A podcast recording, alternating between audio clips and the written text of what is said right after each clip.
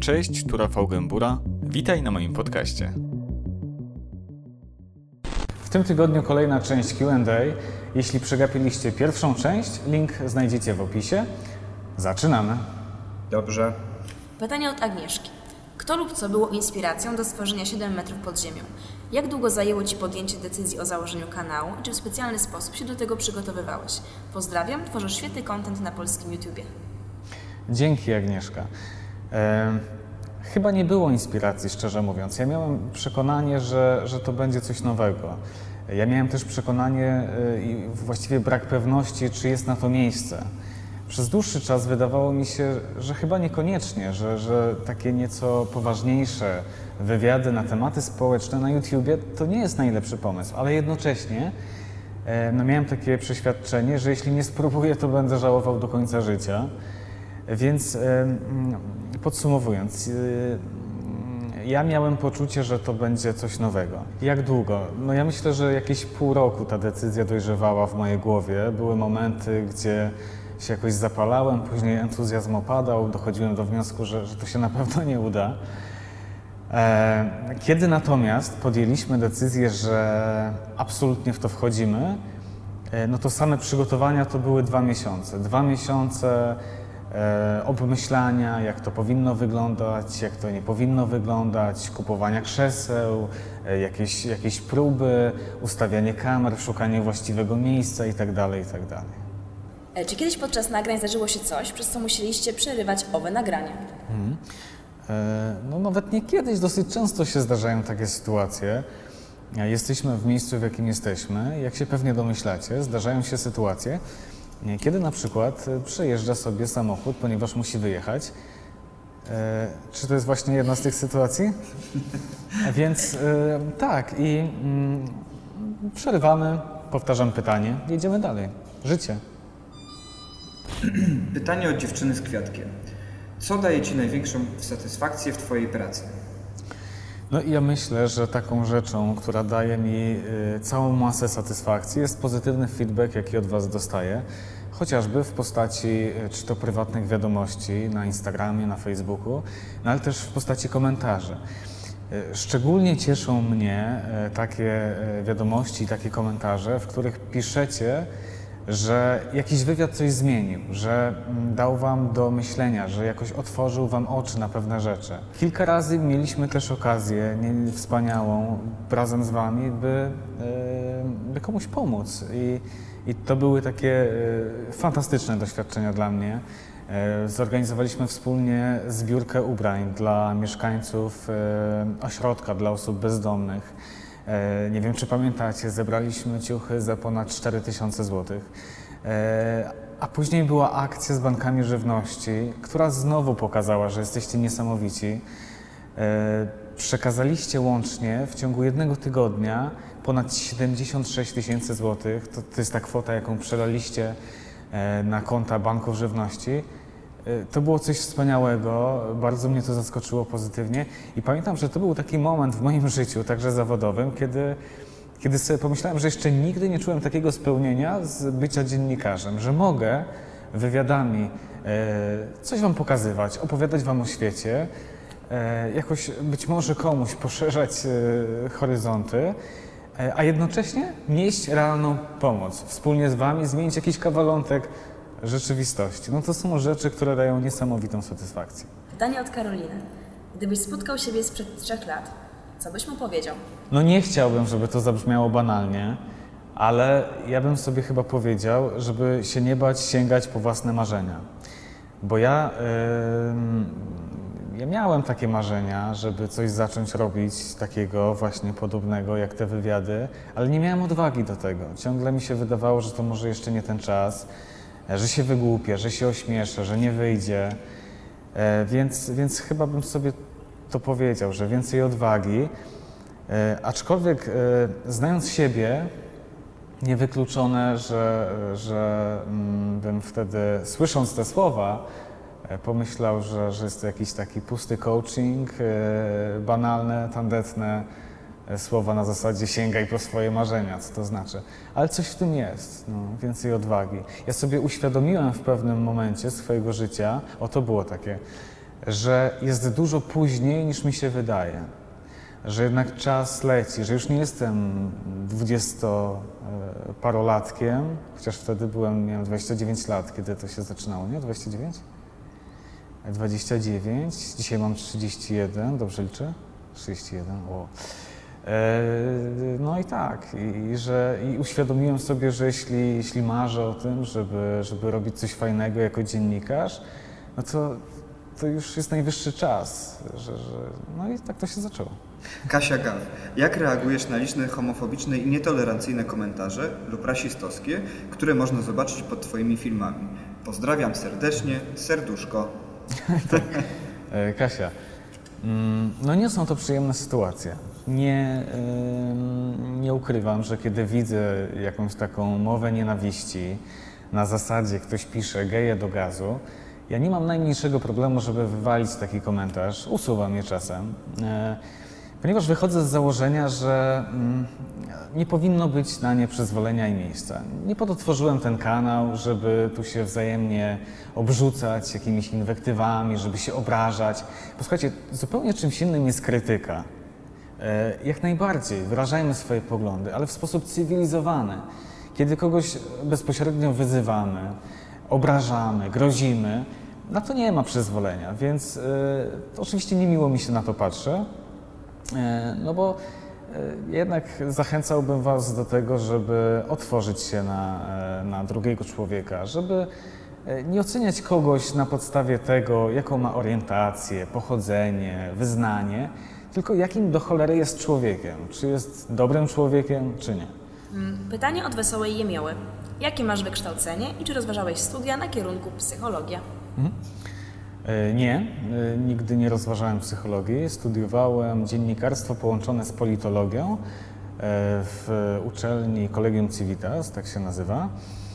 Mm, I jakoś udało mi się skończyć. Nie wiem jak, ale udało się. Ściągam. E, Pytanie od Pauliny. Jak sam się czujesz po przeprowadzeniu wywiadu? Czy historie rozmówców wpływają na Twoje życie, czy myślisz o nich po zakończeniu wywiadu? Mhm. Okej, Paulina.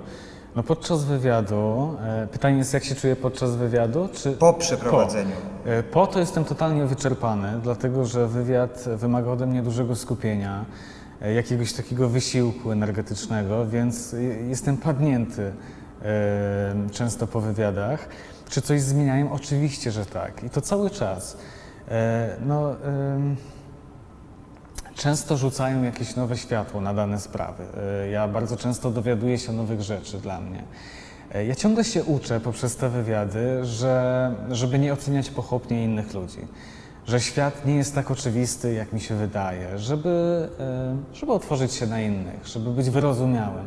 I to są te wszystkie rzeczy, takie życiowe, których mnie uczą te rozmowy i mam głęboką nadzieję, że, że, że część widzów też jakby wyciąga z tych wywiadów właśnie te rzeczy, o których mówię. Po którym wywiadzie tak, wywiadzie tak miałeś? Najbardziej? E, Pan Paweł, osoba bezdomna. Tak myślałem właśnie. No. No i jak to przeczytać? Eee, Christ like heaven. E, Teraz pytanie od osoby, e, której e, niku nie, nie potrafimy przeczytać. Dawaj. Brzmi tak. Jaki fakt z któregokolwiek wywiadu, który zrobiłeś na kanał, najbardziej Cię zszokował lub przeraził?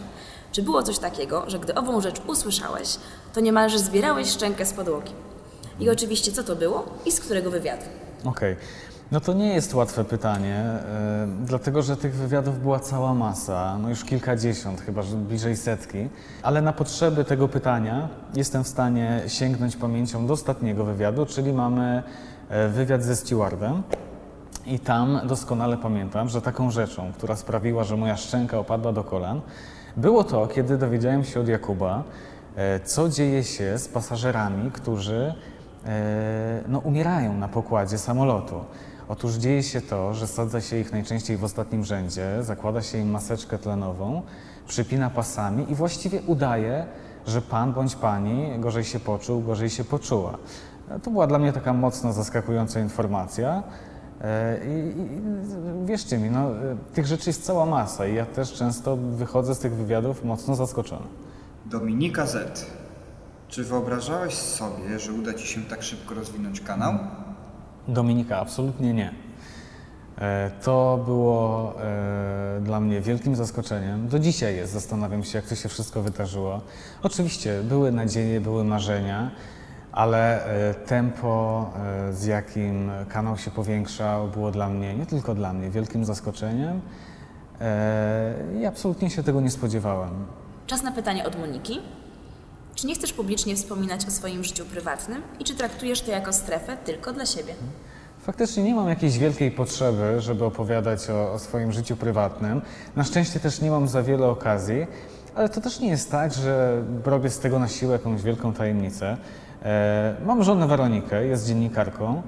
E, dzieci nie mam, e, psa nie posiadam, kota nie posiadam. Ostatnio widziałem za szafą jednego pająka, ale e, jeśli chodzi o zwierzęta, to chyba będzie wszystko. Pytanie od Ani. Co sprawia, że jesteś szczęśliwa? E, No Ania, niełatwe pytanie. A może łatwe? No ja mam, ja mam to, to szczęście w życiu, że robię zawodowo to, co kocham. Uwielbiam. E, Więc e, sam fakt, że mogę wykonywać taką pracę, która daje mi dużo satysfakcji, ale też szczęścia, jest czymś niesamowitym i, właściwie każdemu to polecam, żeby, żeby starać się robić w życiu to, co daje nam frajdę, szczęście, satysfakcję. Czy zdarzyło Ci się kiedyś, że któryś z Twoich gości miał później problemy po opowiedzeniu swoich trudnych historii i doświadczeń? No niestety mniej przyjemna odpowiedź, ale e, będę szczery, tak, zdarzyło się. Mieliśmy sytuację, e, kiedy jeden z bohaterów odcinka no, spotkał się później z e, groźbami, e, które wyglądały bardzo poważnie. E, Skontaktował się z nami, sprawa trafiła na policję. Wiem, że policja cały czas e, zajmuje się tym tematem. Dlatego też nie mogę e, za wiele szczegółów e, mm, w tej chwili opowiadać. No ale to była taka sytuacja zupełnie dla mnie niezrozumiała, bo był to jeden z e, gości, który e, no, w żaden sposób nie zasługiwał na, na, na żadne groźby, nikt nie zasługuje, ale ten gość z całą pewnością e, bardziej na jakiś poklask i, i, i brawo za to, że się odważył o tym mówić. No ale stało się jak się stało. Pytanie od Ani 5325. Czy uważasz, że studia dziennikarskie naprawdę otwierają drogę do pracy jako dziennikarz? Ania, ciekawe pytanie. E, Mógłbym o tym gadać pewnie godzinę. E, e, Będę mówił o swoich subiektywnych doświadczeniach. Zaznaczam, że są subiektywne, dlatego że kiedy ja decydowałem się na te studia, to słyszałem od innych ludzi, że nie ma sensu studiować dziennikarstwa, że, że to jest zawód, którego się człowiek uczy w praktyce. E, I to prawda. Najwięcej człowiek uczy się tego zawodu właśnie no, wykonując go, czyli e, odbywając gdzieś staż, zdobywając pierwsze doświadczenia i tak dalej, i tak. Więc e, to chyba jest jednak najważniejsze, żeby załapać się gdzieś na staż już najwcześniej. E, Ja na pierwszym roku studiów już o to zadbałem i, i to była świetna decyzja. Natomiast to, to nie jest tak, że ja żałuję swoich studiów, że uważam, że to był zmarnowany czas. Absolutnie nie. E, Ponieważ e, moje studia dały mi taką bardzo przekrojową wiedzę. E, To były elementy e, politologii, socjologii, filozofii, historii najnowszej. E, I, I była tam też cała masa warsztatów, które były prowadzone z doświadczonymi dziennikarzami, którzy przekazywali nam swoją wiedzę, swoje umie- umiejętności. Uczyliśmy się pisać, uczyliśmy się mówić i tak dalej, i tak. Więc absolutnie nie żałuję. E, A choć wiem, że bywa różnie, natomiast najważniejsze jest tutaj doświadczenie i myślę, że większość dziennikarzy e, powie Ci to samo. To na koniec pytanie od Insta Pauli. Czy spotykasz się z czymś takim, że twój gość po wywiadzie mówi stary, ulżyło mi, fajnie było się otworzyć, czy to pewien rodzaj terapii?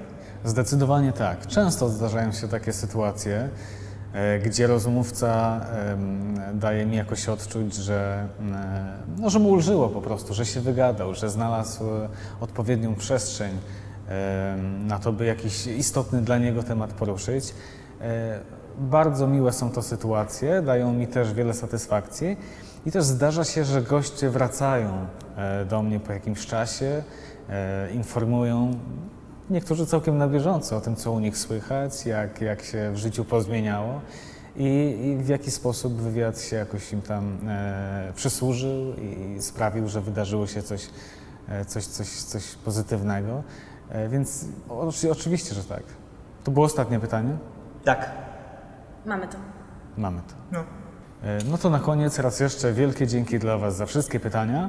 Wybaczcie, że nie udało się odpowiedzieć na wszystkie. Mam nadzieję, że się nie wynudziliście. Do zobaczenia.